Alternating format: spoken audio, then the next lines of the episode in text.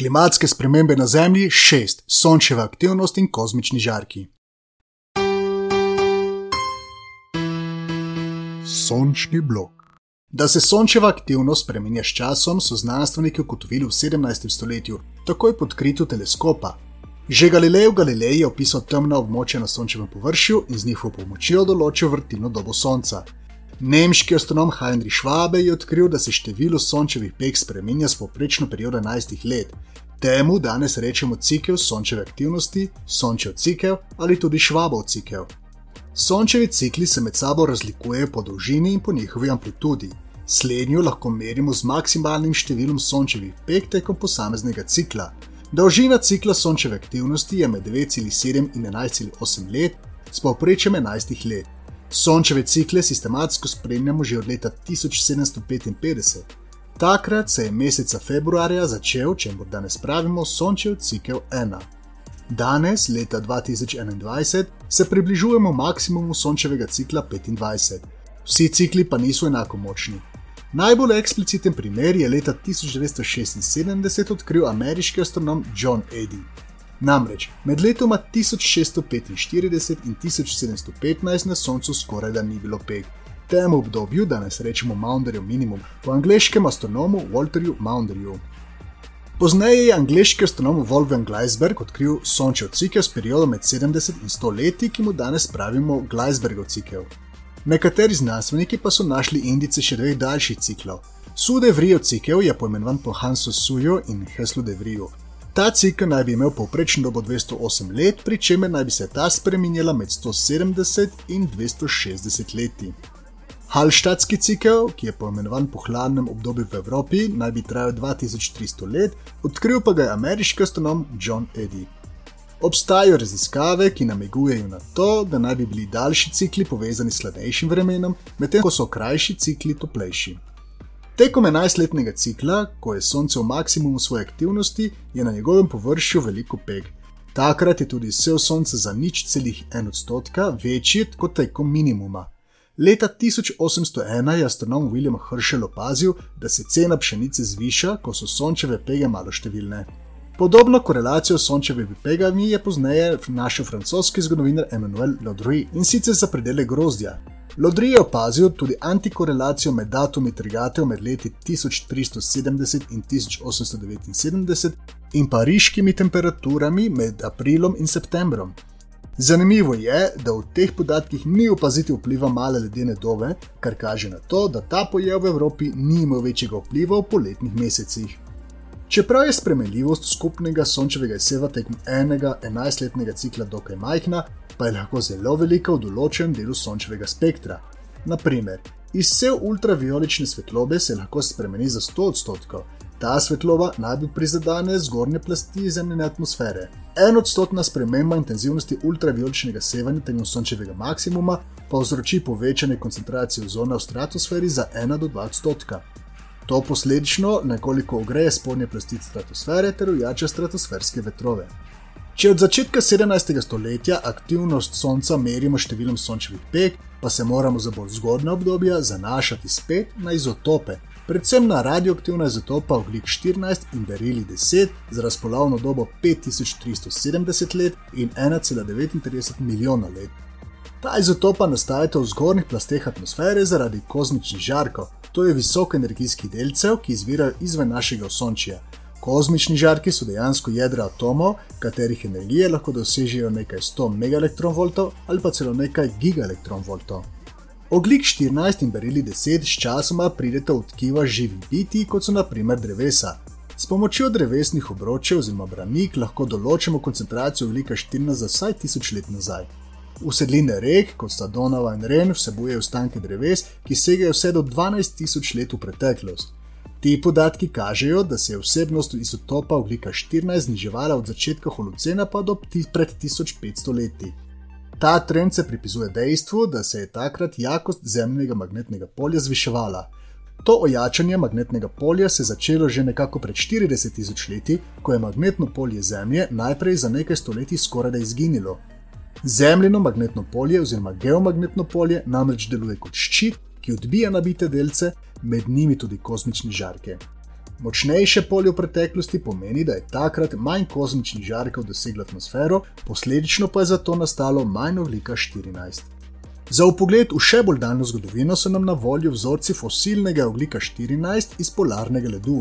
V 80-ih letih prejšnjega stoletja je astronom Mince Štujver odkril, da je tekom Maunderjevega minimuma vsebnost oglika 14 v fosilnem CO2 močno narasla, kar je v skladu z znižanjem aktivnostjo Sonca, saj je to omogočilo, da je bil tok galaktičnih kosmičnih delcev, ki so dosegli Zemljino atmosfero, intenzivnejši.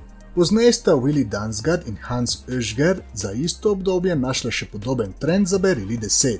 Štojver je na to našel še druga povečanja koncentracije oglika 14 in sicer tekom Wolfovega minimuma med leti 1280 in 1345, Špörerjevega minimuma med leti 1420 in 1540, Dietrich Schmidt pa je iz analiz oglika 14 in berilija 10 ugotovil, da je do podobnih minimumov prišlo še tekom Ortovega minimuma med leti 1040 in 1080 ter Daltonovega minimuma med leti 1790 in 1820.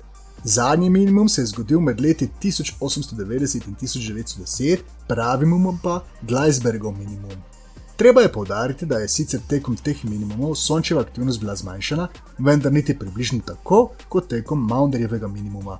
Povečana sončeva aktivnost, ki pomeni zmanjšano vsebnost oglika 14 in berila 10, pa je obstajala v srednjem veku med letoma 1100 in 1250 ter v 20. stoletju med leti 1960 in 1990. Vsi preomenjeni cikli sončeve aktivnosti z dolgimi periodami so bili odkriti ravno na podlagi podatkov oglika 14 in berili 10. Raimond Mušeler in sodelavci so odkrili, da je za Maunderjev, Špörerjev, Wolfov ter Orton minimum kriv 208-letni Sudevrijo cikel, ki obstaja že vsaj 50 tisoč let. Dokazi za spremenljivo sončevo aktivnost v preteklosti prihajajo tudi z področja geologije. Michael Magni je leta 1993 dokazal, da so bile v preteklosti gladine jezer v Evropi više, kar pomeni hladnejše in bolj vlažne pogoje, ko je vsebnost oglika 14 narasla za 5 odstotkov, kar nakazuje na zniženo aktivnost Sonca. To se je zgodilo med Maunderjevim in Špörerjevim minimumom, ter med še eno kratko ledeno dobo okoli leta 750 pred našim štetjem. Časovni interval med to ledeno dobo ter malo ledeno dobo je približno 2300 let, kar se opada z dolžino Hallštatskega sončevega cikla. Najbolj znana podnebna dogodka, ki sta se zgodila v zadnjih tisočletjih, sta srednjeveška topla doba ter mala ledena doba, ki jo je preučeval Hubert Lamp. Med malo ledeno dobo Hubert jo je identificiral kot obdobje med 1430 in 1850, z najhladnejšim obdobjem med leti 1550 in 1700, je londonska Temza zamrznila 4krat v 16. stoletju, 8krat v 17. stoletju ter 6krat v 18. stoletju. Poprečna januarska temperatura v srednji Angliji je bila za 2,5 stopinje nižja od tiste v začetku 20. stoletja, se pa povprečna poletna temperatura ni spremenila v tem času. Zalivski tok se je med leti 1780 in 1820 nahajal južneje v primerjavi z danes, in Severno morje je bilo obsežneje prekrito z ledom.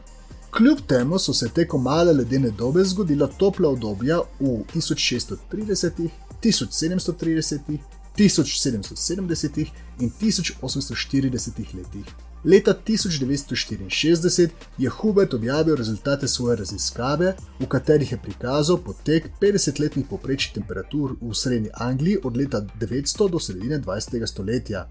Njegovi grafi so kazali na porast temperature od leta 900 do maksimuma, ki je trajal od 1140 do 1270, kar je Lamp pomenoval zgornja srednjeveška topla doba. Temu je sledila mala ledena doba z nizkimi temperaturami leta 1470, med leti 1570 in 1670 in majhna toplejša obdobja leta 1520, med 1720 in 1870 ter po letu 1950. Pozneje se je izkazalo, da je topla doba v srednjem veku bila lokalen pojav, saj dokazi za njo obstajajo le v Evropi. Po drugi strani pa obstajajo dokazi, da so tekom male ledene dobe nizke zimske temperature pestile tudi Kitajsko in Severno Ameriko, ne pa tudi tropskih območij. V 21. stoletju je postalo jasno, da lahko malo ledeno dobo razdelimo na dva dela. Zgodnja mala ledena doba ali srednjeveško hladno obdobje med letoma 1250 in 1550, ter glavna mala ledena doba, ki je trajala od leta 1550 do 1850, z najhladnejšim obdobjem med leti 1750 in 1850. Začetek glavne faze male ledene dobe je sovpadel z rastjo ledenikov v evropskih Alpah, rastjo ledu okoli Islandije ter povečano vlažnostjo v tropskih predeljih Afrike. Ker je glavna faza male ledene dobe sovpadla z Maunderjevim minimumom, so nekateri znanstveniki takoj posumili na povezavo z aktivnostjo Sonca. Vseeno pa je treba dopustiti tudi druge vzroke. Naprimer, v letih 1200, 1350 ter okoli 1700 in 1800 je izbruhnilo več velikih tropskih ognjenikov kot kadarkoli tekom Holocena. Leta 1257 je izbruhnil ognjenik Salamas na otoku Lombok, kar je bil eden največjih izbruhov holocena in je verjetno vzrok za hitri začetek male ledene dobe.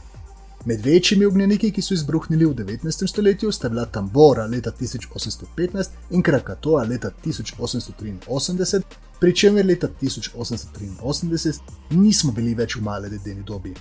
Tambora je izbruhnil med Daltonovim minimumom, kar je potem vodilo do leta brez poletja, ko je zaradi nizkih temperatur ter prevelike količine dežja skoraj v celoti propadla žetev v zahodnji Evropi. Poglejmo za konec še graf, ki prikazuje, kako se je globalna temperatura ozračja spremenjala tekom zadnjih tisočih let. Tega so leta 1999 objavili Michael Mann in sodelavci. Debela črna krivulja na grafu predstavlja povprečno temperaturo zračja od leta 1000 do 1998. Siva črtkana črta prikazuje trend med letoma 1000 in 1850. Vidimo lahko, da se je tekom tega obdobja povprečna globalna temperatura postopoma zmanjšala za približno nič celih 15 stopinj Celzija, na to pa od leta 1850 rasla. Med letoma 1850 in 1998 se je temperatura povečala kar za eno stopinjo Celzija, kar se v splošnem pripisuje povečanju vsebnosti CO2 v ozračju zaradi človeške dejavnosti. Rezultati poznejših neodvisnih raziskav so v skladu z manovimi ugotovitvami, kar se lepo vidi na naslednji sliki, ki prikazuje različne rekonstrukcije temperature ozračja. Ta graf je objavil IPCC, The Intergovernmental Panel on Climate Change, v svojem poročilu o podnebnih spremembah leta 2007. Vidimo lahko, da se je od leta 1850 globalna temperatura v povprečju povečala veliko bolj, kot se je zmanjšalo v prejšnjih tisočletjih skupaj, kar pomeni, da naravni pojavi najverjetneje niso razlog za to povečanje. Znanstveniki danes lahko z matematičnimi modeli napovejo, kako se bo globalna temperatura ozračja spremenila v prihodnosti. Modeli napovedujejo, da bo do leta 2100 temperatura za 4 do 5 stopinje Celzija višja, kot je bila leta 1900.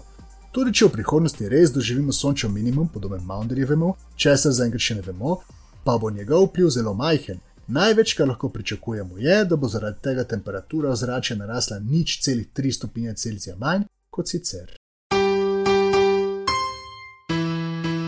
Sončni blok.